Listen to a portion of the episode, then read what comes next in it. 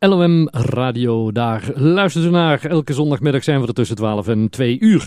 We gaan het hebben over dierenfysiotherapie. En ik moet zeggen, ik had daar nog nooit van gehoord. We zagen daar een berichtje over voorbij komen en we dachten, nou, daar willen we meer over weten. Dus we gaan eh, bellen met een eh, dierenfysiotherapeut, zo heet dat denk ik. Esther Maagdenburg. Esther, uh, goedemiddag. Goedemiddag.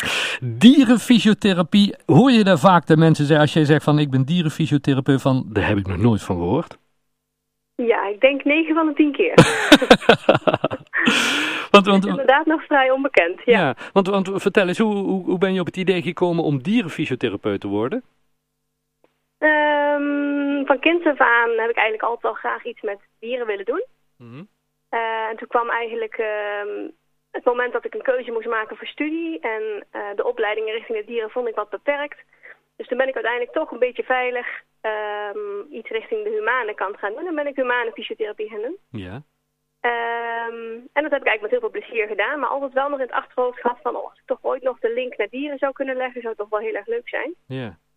Toen ben ik afgestudeerd na vier jaar. En um, toen heb ik daarna toch zoiets van... Ja, eigenlijk wil ik nu toch gewoon graag door richting de dieren. Ja.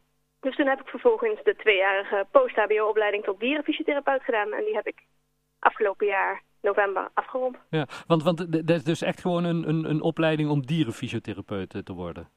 Ja, ja, je moet daarvoor dus wel de humane opleiding eerst gedaan hebben. Ja. Dus je moet um, wel al fysiotherapeut zijn voordat je de opleiding mag starten. Ja. Want uiteindelijk moet je dus gewoon minimaal zes jaar voorgestudeerd hebben... voordat je jezelf dierenfysiotherapeut mag worden noemen. Ja, en, en hoe, hoe anders... Want ja, dan, dan, dan, dan leer je dus fysiotherapie voor, voor, ja, voor, voor mensen, zou ik maar zeggen. Mm -hmm. en, maar hoe anders is het dan om dat met dieren te doen? Heel anders. Oh. een, een, aantal dingen zijn um, natuurlijk wel hetzelfde. Dus sommige technieken die je gebruikt bijvoorbeeld zijn hetzelfde.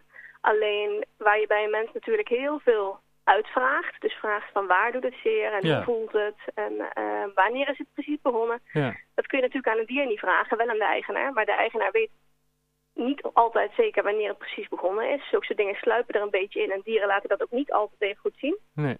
Um, dus het is heel veel echt goed kijken en goed voelen. Dus wij, het grootste, het belangrijkste onderdeel van je hele behandeling en onderzoek is eigenlijk uh, gewoon naar het dier kijken.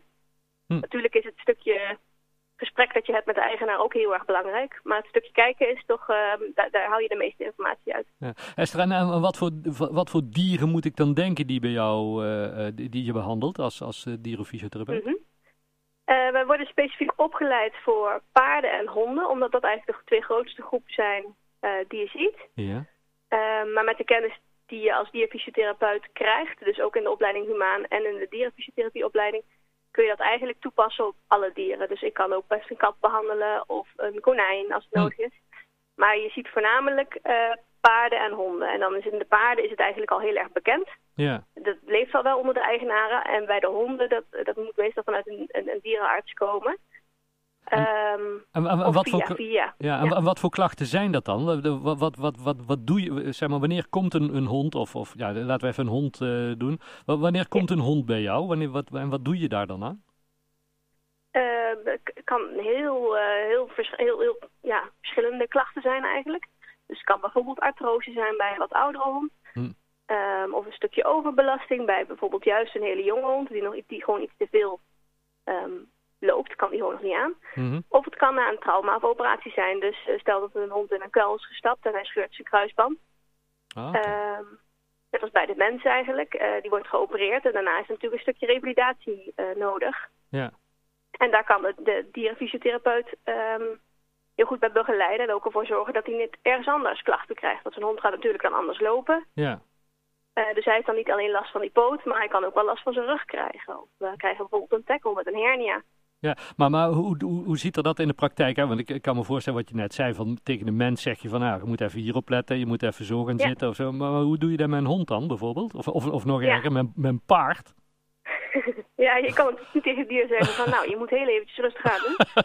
dus je moet uh, de, de eigenaar heel goed instrueren in wat ze wel en wat ze niet mogen. Hm. Heel veel mensen weten ook eigenlijk niet um, hoeveel zo'n dier nou eigenlijk aan kan op dat moment. Dus het is een heel groot deel uh, voorlichting. Ook bij bijvoorbeeld een oudere hond wordt al vaak vrij snel um, te veel meegelopen bijvoorbeeld, of te vaak meegelopen. Of hij mag nog springen en zulke soort dingen. Hmm. Dat moet je gewoon de eigenaar in voorlichten. Ja. Ah, En daarnaast ehm, kunnen we wel met een aantal technieken, dus massagetechnieken of mobilisatietechnieken en oefentherapie, kun je wel ervoor zorgen dat het dier zich prettiger voelt. Dat hij minder pijnklachten heeft en uiteindelijk weer sterker wordt. Ja. En nu, maar vooral de eigenaar instrueren is heel erg belangrijk. Ja. En, nu doe je dit op, op locatie, maar binnenkort krijg je een eigen praktijkruimte, las ik in een bericht, ja. Ja, op dit moment uh, kom ik gewoon met mensen aan huis. En uh, al mocht het straks ook uh, niet mogelijk zijn dat mensen bijvoorbeeld met de hond op stap kunnen, dan uh, kan ik ook nog steeds aan huis komen. Maar vanaf april heb ik voor de honden en andere gezelschapsdieren een uh, eigen praktijkruimte. Ja. Hier in, uh, in Velp. In Velp, daar woon je ook, hè? Of? Ik woon ja. ja. Um, en de, de, de, wat je dan, dus mensen die zoiets, dat moet via een, een, een dierenarts of mensen die zeggen van ja, ik weet niet precies waar ik mee moet, die kunnen ook gewoon rechtstreeks met jou bellen?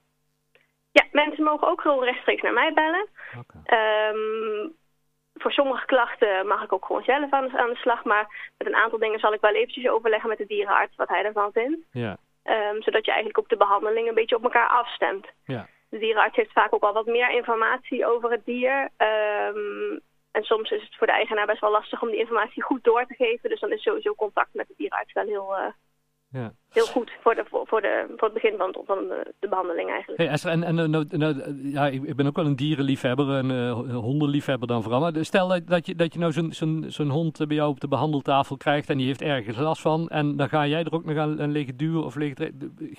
Vindt zo'n hond dat fijn en laat hij daar wel eens merken van, hé, hey, blijf af? um, nou, wat je leert als dierfysiotherapeut is echt heel goed kijken naar de meest kleine signalen die een hond geeft. Dus um, we proberen het al niet zo ver te laten komen dat een hond echt gaat grommen of gaat uithalen bijvoorbeeld. Dus ik, ik, kijk al naar zijn ogen en dan zie ik al dat hij bijvoorbeeld een keertje knijpt en dan denk ik, oh, dit is zeer. Dus daar ga ik niet door.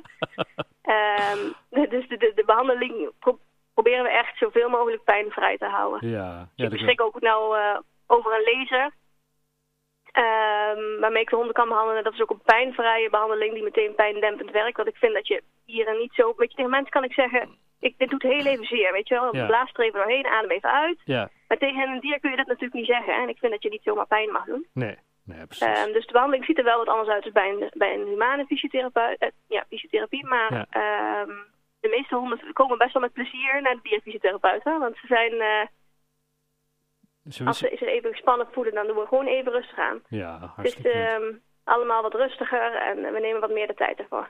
Super. Um, hartstikke, nou, fijn dat we even een kijkje mochten nemen in de dierenfysiotherapie. Onze luisteraars weten nou in ieder geval ook een beetje wat dat uh, wil zeggen wat je doet. Mensen die nou meer informatie willen hierover, uh, je hebt mm -hmm. een, een, website, nee, Facebook volgens mij hè? Ja, ik ben op uh, social media al te vinden. De website is nog in de maak. Maar ze kunnen mij uh, onder Animotion Dierfysiotherapie dus vinden op uh, Instagram of Facebook. Hm. Um, en daar post ik ook uh, af en toe wat leuke weetjes over dieren of een foto van een dier die ik behandeld heb. Hartstikke leuk. Dus dat is wel leuk om, mee te, om te volgen misschien. Hartstikke goed. Esther, heel fijn dat we er even over mochten bellen. Heel veel succes daarmee. En zodra er weer wat nieuws is, dan horen we het graag. Ja, dankjewel. Dus hè? ook groetjes. Succes nog. Doei. Houdoe.